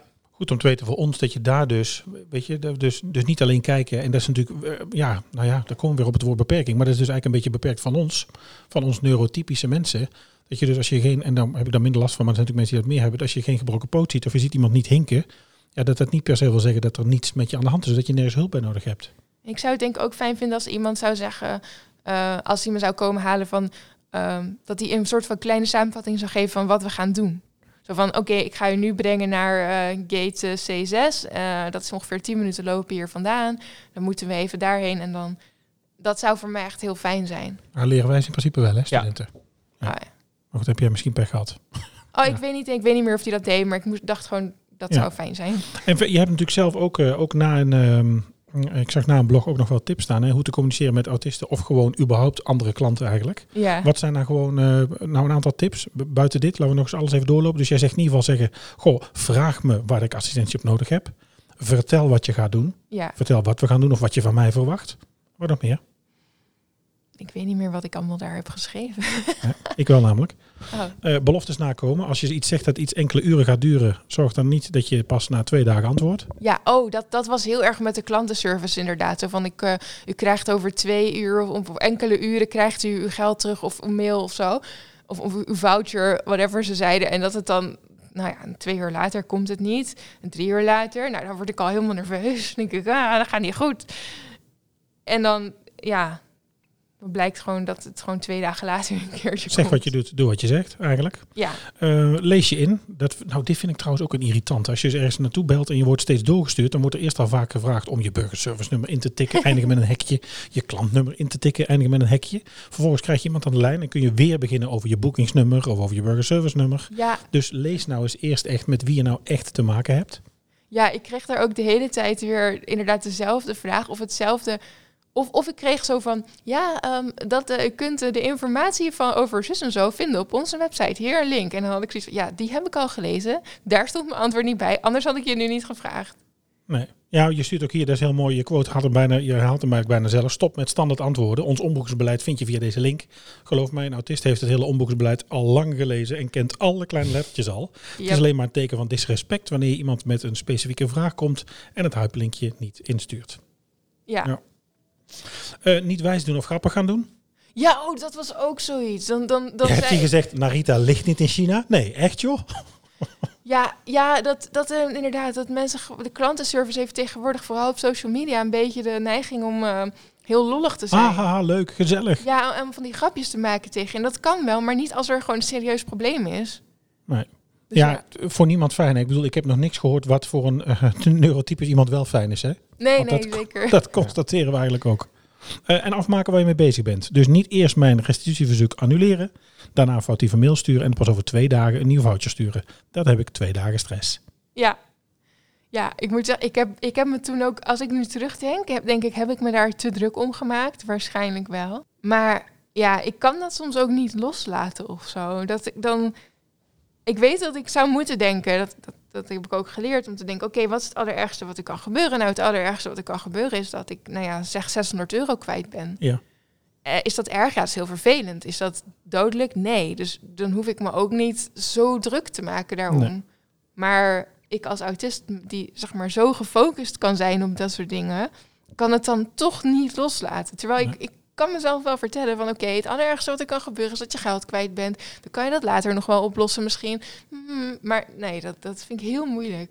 Maar dat is wel iets voor mij ook zelf hoor, wat ik echt moet leren. Ja, kun je natuurlijk persoonlijk ook wel hebben. Hè? Ik bedoel, ik kan ook wel moeilijke dingen loslaten. Of ik kan ook wel ergens langer over. Weet je, ik kan ook wel denken: oh jee, ja, dat, oh, nou lukt alles niet. Inderdaad, moet ik ook mezelf tot de orde roepen van: nou, we gaan niet dood. Er gebeurt niks spannends. Dus let it go. Precies. Het belangrijkste punt vind ik wel, ja, en het is de grootste open deur die er is, maar menselijkheid. Gewoon simpele menselijkheid. Ja, Vraag me iets, zeg iets tegen me, ben gewoon vriendelijk, stel je nieuwsgierig op, niet oordelen. Ja, Ja, ik vind ook wel, soms dan, dan gaan mensen heel erg zo van eh, tien dingen die je niet mag zeggen tegen een autist. En dan, wordt het, dan worden mensen bijna bang om met me te praten, omdat ze bang zijn dat ze het verkeerde woord gebruiken of zo.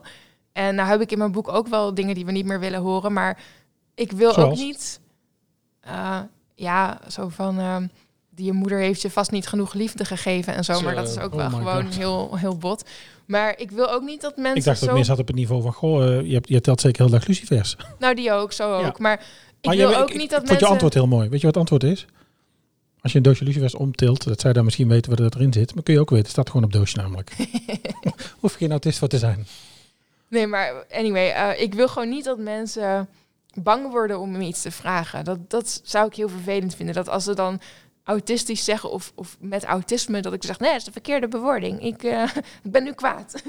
Maar hoe komt dat, denk je? Dat zit dan toch meer, dat zit toch niet, zit dat meer in jou of in ons? Om het dan even, als we dan toch gewoon even, nou ja, het apart zetten. ik ben bang dat het voor een deel ook in de autistische community zit wel. Oké. Die heel erg ehm, proberen om dingen te verbeteren, maar soms weer zo gaan micromanagen. Het is ook wel een beetje een cultuurding tegenwoordig, dat, dat bijna heel, met heel veel woorden, dat dit, dit is een fout woord, het is nu vervangen door dat woord. Ja. Ehm, maar ik heb liever de menselijkheid gewoon dat iemand met goede bedoelingen eh, iets vraagt. Ook al is het een domme vraag, dat maakt me dan Of een niet fout uit. maakt. Ja. Maar ja, als ze gewoon niet meteen van het slechtste uitgaan, dan vind ik het eigenlijk al prima. En tegenwoordig, iemand die gestructureerd is, die wordt al heel snel uitgemaakt voor autist. Wat Het is vind ook je een, daar? ja, ja doe niet zo, doe niet Die zo gewoon in het autistisch. dagelijks leven. Ja. Doe niet Ja. zo autistisch. Ja. Wat vind je daar nou van? Ja, dat is jammer, want ehm, dat zorgt voor verwarring. Want dan krijg je inderdaad, oh, maar iedereen is toch wel een beetje autistisch. Ja. Ehm, maar ja, ik, Ja, ik heb dat hoor je wel... ook wel eens. Ik, Ja. heb, ik heb wel een heel onderzoek ondergaan en, een, eh, dat was niet zomaar eventjes eh, een gesprekje. Dat was wel echt een heel eh, proces. En ehm naar aanleiding daarvan heb ik mijn diagnose gekregen. Dus niet zomaar even zo van, oh ja, ehm, persoon X heeft wat moeite met, eh, met dingetjes, dus eh, het zal, zal autisme zijn. Het is wel iets serieuzer dan dat. Ehm, is er ook medicatie om de prikkels bijvoorbeeld te verminderen? Er is, is wel iets wat off-label wordt voorgeschreven. Ehm, ik heb dat een tijdje gedaan, eh, geprobeerd Risperdal. Is dat? Dat is eigenlijk een antipsychoticum, maar daar geven ze dan heel weinig van. En dat zou dan helpen om prikkels een beetje minder hard binnen te laten komen. Nou, dat, dat deed het ook wel. Alleen voor mij, ehm, ik vond mezelf ook totaal niet meer grappig. Alles werd een beetje suffer, zeg maar. Dus ik ben daar wel ja. mee gestopt. Alles werd afgevlakt ja, eigenlijk. het was niet echt eh, iets voor mij. Dus ik, ik gebruik nu geen medicatie. Ehm, voordat we doorgaan naar, eh, naar toch, naar, ook naar Japan en waarom dat voor jou een fijne, fijne maatschappij is. En dan moet ik altijd even goed zeggen in deze podcast geen luchtvaartmaatschappij per se, maar een maatschappij als in de mensheid. Ehm, wat is nou voor jou, ehm, zijn er maatschappijen, luchtvaartmaatschappijen wel, waarvan je zegt, daar, daar vlieg ik prettig mee, daar is het goed, daar is het fijn? Oh, nu gaan we heel verwarrend doen, maar Japan Airlines is wel een fijne maatschappij. Ja, Of laat ik zeggen, JALU is wel een fijne maatschappij. Want zo heet, noemen ze het in het Japans. en waarom? Omdat ehm, ze daar, je, je bent toch al een beetje in Japan als je daar binnenkomt. Eh, met, met de beleefdheidsvormen en al die dingen die erbij horen. En de passagiers zijn ook heel eh, fijn. Maar ik moet zeggen, ik hoor van mensen van KLM ook wel dat als zij naar Japan vliegen met KLM, dus met een hele, heel, hele vlucht vol Japanners, dat je eigenlijk ook een beetje diezelfde sfeer hebt. Dus dat Ja, je want- heel snel bent ingestapt en heel snel bent uitgestapt. En iedereen is, weet je, iedereen is gewend al van oké, we gaan eerst naar ons plekje, dan wachten we rustig en, tot, en dan gaan we, we gaan niet eerst uitgebreid in het hele gangpad staan om onze koffers erin te stoppen en zo. En die mensen in Japan over het algemeen, en ik bedoel, dat klinkt misschien een beetje als een vooroordeel, maar het, het- je merkt het verschil echt wel. Mensen zijn veel meer gewend. Nou ja, geen vooroordeel. Het, zijn Het, het is een feit. Ja, maar het is zelfs een feit. Heb jij die ervaring ook? Nou, ik, ik ben dus nooit in Japan geweest, maar ik heb wel Japanners aan boord Ja, gehad. nou, dat bedoel ik. Dat ze dan naar Milaan vlogen bijvoorbeeld. Dat Ah, ja. de helft van het vliegtuig dus uit Japan kwam. Je merkt echt wel een verschil. En ook hoe jij bijvoorbeeld, eh, ook op andere vluchten hoor, naar Amerika bijvoorbeeld. Dat ze dan, als je dan je tray terugkrijgt, En hoe ze het achterlaten ook. hoe ze het achterlaten. Netjes. Alsof, precies. Zoals ze hem eigenlijk hebben, netter dan dat ze hem Nou, hebben gekregen eigenlijk. Hallo, Ja. daar hebben we trouwens al eens eerder een gesprek over gehad. Maar heel fijn als je natuurlijk daar gebukt in een bocht met wat turbulentie eh, eh, voorover in je trolley staat. Je komt daar maaltijd ophalen en een rijtje. We hebben het vast voor u opgestapeld. Ja, heel Ja. fijn, maar het moet terug in het karretje waar het net uitkwam. Ja. Dus opstapelen, daar heb ik echt helemaal niks aan. Oh shit. Maar dat hebben de, Jap- eh, de Koreanen ook wel een beetje hoor. Ja. Oh, dat zal Ja. Nou, Vergeleken met de Chinese passagiers. Japanse, Koreaanse auto's zijn ook... Weet je, hoe vaak zie je een Japanner of een Koreaan aan de kant van de weg staan? Ja. Kapot. Niet. Ja, zelden of niet. Weet je, dat productieproces is van oudsher, en ik geloof tegenwoordig wel iets minder, want er is natuurlijk heel veel ook naar China, maar Ja. ehm, dat is natuurlijk allemaal minutieus gecontroleerd, allemaal volgens afspraak, allemaal heel effectief. Ja, dat is dus toch wat het dan doet. Ja, en dat Japan is wel Airlines. echt wat ik ook gewoon heel fijn vind aan, aan de Japanse ehm, maatschappij. Ik bedoel, ik, er, ditzelfde he- fenomeen heeft ook een enorme downside, vooral nu in coronatijd. Ehm, want als alles heel erg afgestemd is met regels en zo, en er gebeurt iets onverwachts zoals corona, dan kan het ook veel langer duren voordat eh, dingen zijn aangepast. Waardoor het dus ja, heel bureaucratisch wordt. Ja. Ehm, maar tegelijkertijd, ja, als je bijvoorbeeld in Japan met de trein reist, hoe heerlijk dat is. Hoe gewoon goed geregeld dat allemaal is. Ja, want voor een leek, laat ik zo zeggen, als ik er niet op let, dan denk ik echt, Japan, jezus, wat een drukte. Weet je, al die borden, die mensen op straat, een gedoe, ik kan niks lezen. Dan denk ik, nou, hoe kan dit nou voor jou fijn zijn? Ja, die drukte is er, maar er is ook heel dichtbij die drukte is ook rust. Ja. Je hebt soms in de stad eh, dat, je, dat je in echt het centrum, centrum van de drukte bent.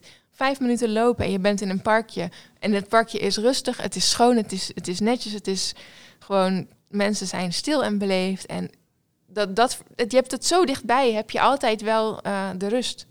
En ook in de, bijvoorbeeld in de trein. Het is Nou ja, heel kijk vol. naar, als ik kijk naar tuinen, ja, dit is, dit is natuurlijk allemaal stereotypering dit, hè. Maar als je kijkt naar een Japanse tuin, is natuurlijk helemaal minutieus aangelegd, grind geharkt. Het is natuurlijk wel orde, structuur, rust. Ja, je hebt, soms heb je dat soort ehm, ja, parkjes. Echt gewoon dat je, dat je gewoon ergens loopt tussen alle blokken beton. En dan ineens is daar zo'n parkje met een tempeltje of met een dingetje. En dat is zo fijn. En dat, ja. Maar wat ik zei, bijvoorbeeld ook in de trein. Het is wel vol, maar de mensen zijn allemaal stil. En zijn allemaal rustig. En ja, weet je, ze hebben best wel regels. En het is ook grappig, want het is toch wel nodig kennelijk om erop te blijven hameren. Want je ziet overal ook posters hangen waar dan bijvoorbeeld staat... Doe je rugtassen op je buik. Of uh, neem geen twee stoelen in beslag. Dus het is niet dat de mensen het allemaal vanzelf doen. Het is Nee, ook gewoon sturend. hoe het. Ja, eh, alles is ook heel goed op die manier ingericht. Ook als je bijvoorbeeld met de trein gaat, je hebt zo'n perron. Dan staat er op dat perron. Kijk, sowieso, de trein is altijd, zeg maar. De deuren zitten altijd op dezelfde plaats als die aankomt. En dan heb je gewoon lijnen van: oké, hier stappen de mensen uit. En hier sta je als je in moet stappen. En sommige eh, drukke stations. Die hebben letterlijk gewoon vakjes van eerste trein, tweede trein, derde trein. En daar sta je dan gewoon in. En dan als die trein weg is, stap je ga je een vakje opzij. Bijna als in een pretpark. Ja. Maar het werkt gewoon. Dus waar, je bent ook echt een stom als je je daar niet aan houdt. Ja, dan maak je mooi zelf het, het, het bruggetje eigenlijk naar een pretpark. Want dat was mijn volgende, mijn Mhm. volgende stap, de fascinatie voor Disney. En als je dan, ik denk als mensen die niet goed tegen drukte kunnen, niet goed tegen ja, hoopjes mensen kunnen. Maar dan zou je dus ook zeggen, het, laten we zeggen, het stereotype, het vooroordeel is dan ook, ja, zo'n pretpark, joh, Bianca, is dat. Mijn god, dat moet er voor jou ook, dat is zo de hel. Nou, ik hou ook niet van dat het heel erg druk is in het pretpark. Ik bedoel, als ik mag kiezen, dan ga ik niet in de kerstvakantie. Nee. Uh, verder ehm, ken ik de meeste pretparken wel zo goed dat ik wel weet waar het rustig is. Maar als je met mij door Disneyland Parijs gaat, dan, dan is het zo'n heel alternatieve route. Zo van, oké, nu is het daar vijf minuten rijden, nu is het daar rustig. Als we nog op zo laat, dan eh, kunnen we daar even naartoe. Dus ehm, ja, ik, vind dat wel fijn. En het is ook wel echt een Je haalt beetje... ook meteen een grappige stereotypering qua structuur ook meteen nu onderuit. Vind ik leuk. Ja, maar ik kan soms naar Disneyland Parijs gaan en in vijf attracties zijn geweest op een dag. Ja. En verder op een bankje gezeten. Als wij met de kerst en- gaan of met Halloween is dat ook zo. Maar dat komt gewoon omdat het dan zo tafels druk is. nee, niet meer dan drie of vier op een dag kunt doen. Ja, nee, maar je kunt dat wel. Ik ben niet iemand die dat die van vol tot voor tot eind helemaal vol plant. Ik, ik vind het gewoon leuk om er te zijn. En het is ook gewoon echt wel een andere wereld. Dus je kan ook wel even ehm, uit. Ja, je kan, je kan een deel van je hoofd ook wel een beetje uitzetten. Dus als je in zo'n drukke rij staat, hoef je ook verder niet eh, een moeilijk gesprek te houden of op te letten of zo. Dus je kan ook gewoon even zo uit, uitzonen en gewoon daar staan. Dat, In de dus aan mij lukt dat wel. Ja, echt in het moment zijn. Ja. Dat is dan toch ook dat escapisme even eruit. Uit de normale spanningen, uit de normale prikkels. Toen ik vroeger in eetstoornistherapie zat, toen ehm, was ik eh 19, 20. Eh, en toen eh, had ik drie dagen in de week therapie. Maandag, woensdag, vrijdag geloof ik. En dan hadden we in het weekend natuurlijk eh, vrij. En ik ging regelmatig eh, op mijn zondagje ging ik, naar Disneyland Parijs. Dan ging ik dus s morgens de eerste trein heen en de laatste trein terug. En dan zat ik daar maandag in de kring. En wat hebben jullie gedaan dit weekend? En dan was ja, en ik ben naar Disneyland geweest. Wat? Zaten ze me echt aan te kijken. Hè, wat? Eén dag? Hoe, hoe kan dat? Ja, dat kan. Je kan met de trein gaan. En dan kom je er. Ik had een jaarkaart. Dus dat was Ja. vrij makkelijk. En dat was inderdaad voor mij echt de escape. Vooral in die tijd dat ik echt gewoon elke week gewoon die therapieën had en verder niks. Dat ik gewoon dacht, nou, ik ga gewoon eens even wat leuks doen. Ja, even iets leuks. Als je nou zou moeten kiezen, als je kijkt naar de cultuur, de maatschappij. Want je gaat dus echt emigreren. Je gaat voor goed, of wat is het plan? Ja, dat is het plan. Dus voel jij je meer Nederlander of meer Japanner? Ja, ik, ik ben natuurlijk nooit een Japanner. Ik bedoel, Nee. ik heb de look niet. Nee, Dus, ik denk dat we, eh, wij worden op straat echt bekeken. Ik heb in, nou, mijn ervaring is in Shanghai, in ieder geval en in Busan, dat ik op straat loop en dat ik de, de, de, de toeristische attractie was. Ja, ja nee, je, je zult altijd wel gezien worden daar als, als buitenlander. Dus dat, daar stel ik me ook wel op in. Maar dat is ook tegelijkertijd wel een soort van fijn. Want ehm, in mijn boek begin ik er ook mee dat de lezer, zeg maar, je, je, komt, je, je stapt in het vliegtuig, je komt aan, je bent in Japan, je snapt er niks van. Maar je hebt een gigantisch excuus, namelijk je hele uiterlijk. Dus men verwacht ook niet dat je iets snapt. Nee. En met autisme in Nederland, men verwacht dat ik alles snap. En in Japan is het een soort ja, cover bijna, zeg maar. Als ik iets niet snap of als ik iets eh, sociaal onhandigs doe, dan kan dat net zo goed zijn omdat ik gewoon een buitenlander ben die er gewoon niks van snapt. Nou, ik zou bijna zeggen dat het eigenlijk dat het qua gesprek bijna het cirkeltje rond is. Want waar je dus op een vliegveld een keycord om doet om op te vallen tussen de rest, eigenlijk een aparte behandeling zou willen, of in ieder geval zou willen vragen van, goh, ja, hou rekening met me. Ja, heb je daar dus geen keycord om, maar ben je gewoon door jezelf te zijn, Ja, heb je eigenlijk gewoon al het zwaailicht op je hoofd van, ja, ja, precies. Je bent let- gewoon let één groot keycord. ja, ja, ja, De- deze, deze buitenlander die, die snapt niks van onze regels. Dat kunnen Nee. we er niet kwalijk nemen. die weet dat niet. Ik probeer me er wel aan te houden, maar eh, de lat ligt ook best wel laag. Het is gewoon, als ik, als ik iets bestel en ik doe dat in één zin Japans, dan zit het al... Wow. Want je spreekt ook Japans. Wow, Je doet je best. ik doe mijn best. Maar niet zo goed. Maar als ik één zin spreek, dan zijn ze al zo van wauw, wauw, het spreek je goed Japans, wauw. En dan, ja, ik vind dat wel lekker of zo. Maar heb je, krijg je dan niet prikkels daardoor, dat, omdat mensen zien dat jij een buitenlander bent? Dat ze je dan de hele tijd, of doen ze dat niet uit beleefdheid, dat ze je de hele tijd aankijken? Of, Ze kijken sowieso niet echt aan. Nee. Dat is niet echt, zeg maar, in Japan is het niet zo beleefd om mensen de hele tijd aan te kijken. En gaan heel veel eh, ehm, ja, interacties en zo gaan best wel volgens een soort script, vooral in nou, ja, de Starbucks of zo. Ja. Eh, dus dan is het eigenlijk, eh, ja, ik vind dat fijner of zo. Ik, ik vind het hier ook prima hoor, maar Was er anders met de Starbucks hier op Eindhoven dan in... eh, Sowieso, als je bijvoorbeeld ehm, in een Starbucks in Japan, waar je ook zitplaatsen hebt, daar is het gewoon echt super stil. Daar zit iedereen te studeren en te werken. Dus soms heb je gewoon benedenverdieping voor mensen die kletsen en dan een bovenverdieping en dan kom Ja. je boven met je dienbladje en dan is het echt zo, kun je echt een speld horen vallen. Dat je, wow, Mhm. wow, wat. ja, dat dat is stiltecoupé. eh ja, Ja, waar, waar het ook nooit ja. stil is over het algemeen. Ja. Waar iemand gaat zitten bellen, maken het Ja, hier ook alles mee. heeft in Japan voor mijn gevoel een wat meer een, een, een rust over zich. Of zo. En het klinkt heel tegenstrijdig als je denkt van... hé, maar ik zie toch al die drukke scen- scenery. Maar daarbinnen, ik denk dat het ook wel moet of zo. Als je zeg maar zo'n eh, grote stad hebt, zo'n drukke maatschappij... dan is het juist heel prettig als je zeg maar ergens komt waar het juist wat rustiger is. En is dat ook de hoofdreden om te gaan? Uh, nou, ik heb gewoon gemerkt, ik, ik ga sowieso, ik ging altijd al een paar maanden per jaar gewoon daar, daar wonen. Dat, het, eh, dat ik daar veel beter ehm, ja, kan presteren eigenlijk. Ik, ik heb minder tijd nodig om eh, te ontprikkelen, omdat er minder prikkels zijn. Dus als ik thuis kom eh, van iets, dat ik, ik wil boodschappen doen of zo, dan ben ik sneller weer ehm, ja, gewoon naar een soort nulpunt van de stress. En dan kan ik gewoon weer wat gaan doen. En dat gaat, dat gaat op een of andere manier veel Niet. sneller. Laatste vraag, voordat we zo meteen ehm, even dat je zelf kan aangeven waar mensen meer van jou kunnen vinden, lezen, kopen, noem maar op. Mhm. Ehm, heb je vanavond na onze podcast de uitgestelde Palilali? Oh, dat. Ja. Ik had er nog nooit Ja, van gehoord ja. en ik schrok er enorm van. Ah. Weet jij wat het is, Soner? Geen idee, ik ga het nu horen. Ja. Ehm, dat je eh, dingen na gaat praten. In mijn geval mezelf. Ehm, en dan vooral de, de oh ja, ja, aha, ja, nee, nee, inderdaad. mhm, precies, ja, ja. Dat soort ehm, dingen. Ik dat, weet niet dat waarom. kan dus, als je pech hebt, dan kan het dus dat het vanavond, als je thuis bent, dat dat terugkomt. Als ik eh, vanavond eh, sta te koken, dan kan het best wel zijn dat dat, dat soort stukjes gesprek inderdaad terugkomen. En dat ik bijna, bijna hardop, of gewoon letterlijk hardop, dat soort dingen nog ga herhalen. Omdat ik, ik weet niet, dat is een zo automatische, automatische piloot of zo, die, die, zo, eh, die, die in mijn hoofd zit met dat soort dingen. Maar hoort dit ook echt bij autisme? Is dit een... Ja. Oké. Ja, en zeg maar met autisten die wat ehm, minder, eh, ja, ik wil niet hoog functionerend zeggen of laag functionerend, maar ehm, zeg maar als je, als je, je hebt, je hebt mensen die, die echt gewoon herhalen. Dus stel, stel jij zegt, eh, wat wil je eten? En dan zegt die persoon, wat wil je eten? En dan denk je, nou, die snapt er helemaal niks van. Maar dat kan zijn om je vraag te interpreteren. Maar dan hardop.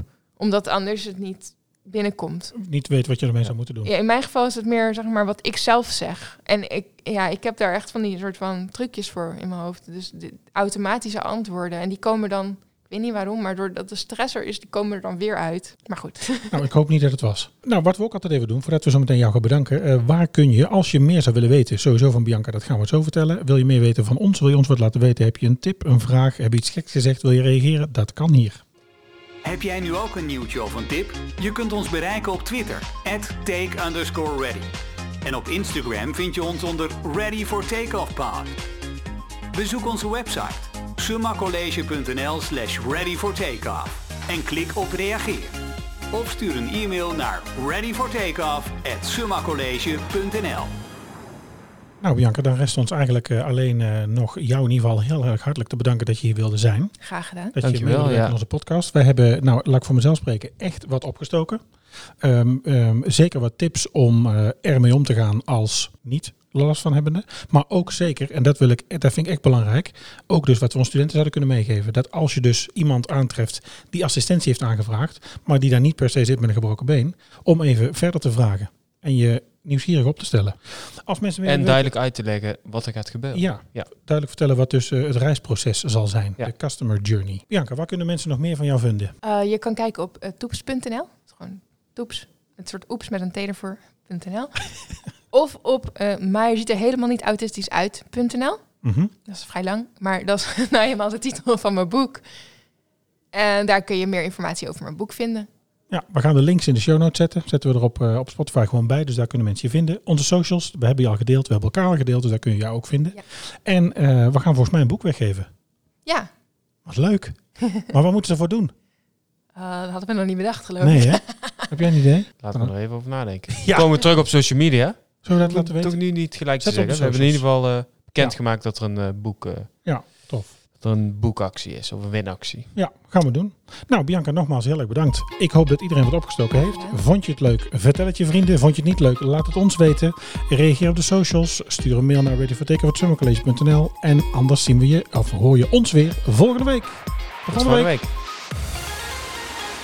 Dit was Ready for Takeoff. Denk aan je persoonlijke bezittingen, volg ons op onze socials, vergeet je niet te abonneren en tot de volgende keer.